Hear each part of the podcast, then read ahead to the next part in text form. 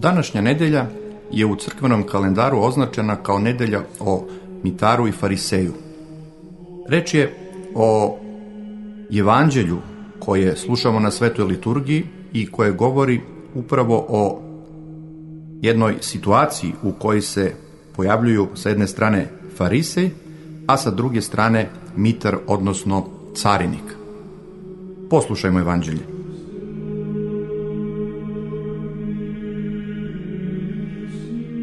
Dva čoveka uđoše u hram da se mole Bogu.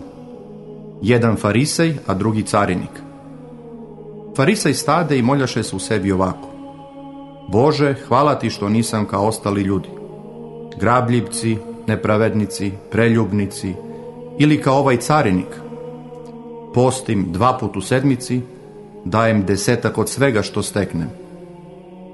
A carinik iz daleka stajaše i ne htede ni očiju uzdignuti nebu, nego se bijaše u prsa svoja govoreći. Bože, milostiv budi meni grešnome. Kažem vam, ovaj otide opravdan domu svome, a ne onaj. Jer svaki koji sebe uzvisuje, ponizit će se, a koji sebe ponizuje, uzvisit će se.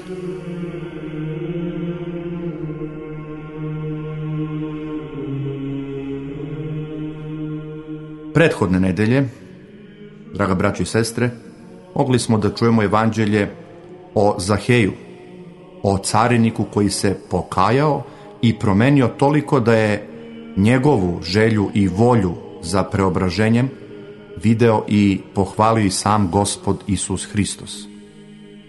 Jaka i velika želja za promenom sobstvenog ogrehovljenog života stoji uvek na početku naše pripreme, pripreme za predstojeći veliki i časni post. Međutim, duhovna priprema za naše veliko posno putovanje ka raspetom i vaskrslom spasitelju suštinski i bogoslužbeno posmatrano započinje ovom nedeljom. Nedeljom o fariseju i cariniku. Nedeljom, dakle, o mitru i fariseju. Evanđelje koje smo danas čuli je veoma kratko i ujedno veoma poučno. Naime, dva čoveka su ušla u hram da se mole Bogu. Jedan je bio farisej, a drugi je bio carinik. Fariseji su predstavljali, rečeno jezikom savremenog čoveka, vodeći versko-politički pravac, grupaciju i partiju u jevrejskom narodu. Oni su predstavljali vođe jevrejskog naroda i bili su poznati po strogom i rigoroznom poštovanju i držanju starozavetnog Mojsijevog zakona. Kao takvi, oni su bili veoma poštovani u narodu. Sa druge strane je Mitar, carinik. On je bio pripadnik jedne omražene i prezrene službe u jevrejskom narodu, budući da je bio zadužen za skupljanje poreza, što je uglavnom činjeno na štetu siromašnog naroda uz prevelike dažbine od kojih su se bogatili i sami carinici. Dakle, Carinik je bio slika grešnog i u društvu prezrenog čoveka. Ovakva dva čoveka ulaze u hram da se mole Bogu. Farisej se moli tako što pre svega zahvaljuje Bogu što nije kao ostali ljudi. Grabljivci, nepravednici, preljubnici i na kraju zahvaljuje se što nije kao ovaj carinik. Očigledno je da njegovo zahvaljivanje nije nikakvo istinsko blagodarenje Bogu, već jedna pohvala samome sebi. Farisej nastavlja svoju samopohvalu govoreći Bogu kako drži sve zapovesti. Posti dva puta nedeljno i daje desetak od svega što stekne. Jasno je da Farisej uopšte ne uviđa svoju sobstvenu grešnost i da je njegov glavni greh gordost i samoljublje. On je jednostavno toliko duhovno slep da ne može da uvidi ni jedno sobstveno sagrešenje. Duboko je uveren da sve što čini je ispravno i po volji Božjoj, te da nema razloga da se kaje za bilo što. Duhovno samozadovoljstvo i prezir prema drugim ljudima, naročito grešnim ljudima, kakav je carinik, predstavljaju pravu sliku unutrašnjeg duhovnog stanja fariseja. On je toliko pod uticajem greha gordosti, sujete i samoljublja, da uopšte nema duhovne snage da sagleda sobstvena sagrešenja i lične slabosti. A u isto vreme sve druge vidi kao neuporedivo nedostojnije i grešnije od sebe pred Bogom. Jasno je da spoljašnje ispunjavanje zapovesti Božih nije nikakva garancija spasenja. Ono što je početak spasenja, a što ne posjeduje ovaj farisej, jeste unutrašnje osjećanje sobstvene grešnosti i nedostojnosti pred Bogom.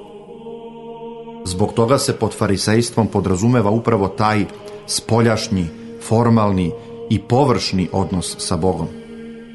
Jasno je koliko je svako od nas ljudi danas sklon farisejstvu, odnosno toj formalističkoj pobožnosti i duhovnom samouzdizanju. Sa druge strane, carinik koji stoji daleko, u dnu hrama, nije hteo oči svoje da podigne ka gospodu, već se, duboko svestan svoje grešnosti, udaraše u prsa, moleći se, gospode, milosti budi meni grešnome. Duhovno stanje carinika može se izraziti vrlinom smirenja.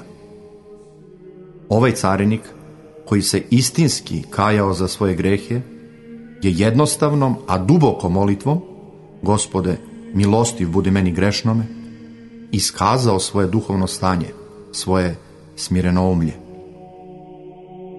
Smirenoumlje je istinski početak svakog duhovnog podviga i duhovnog života uopšte.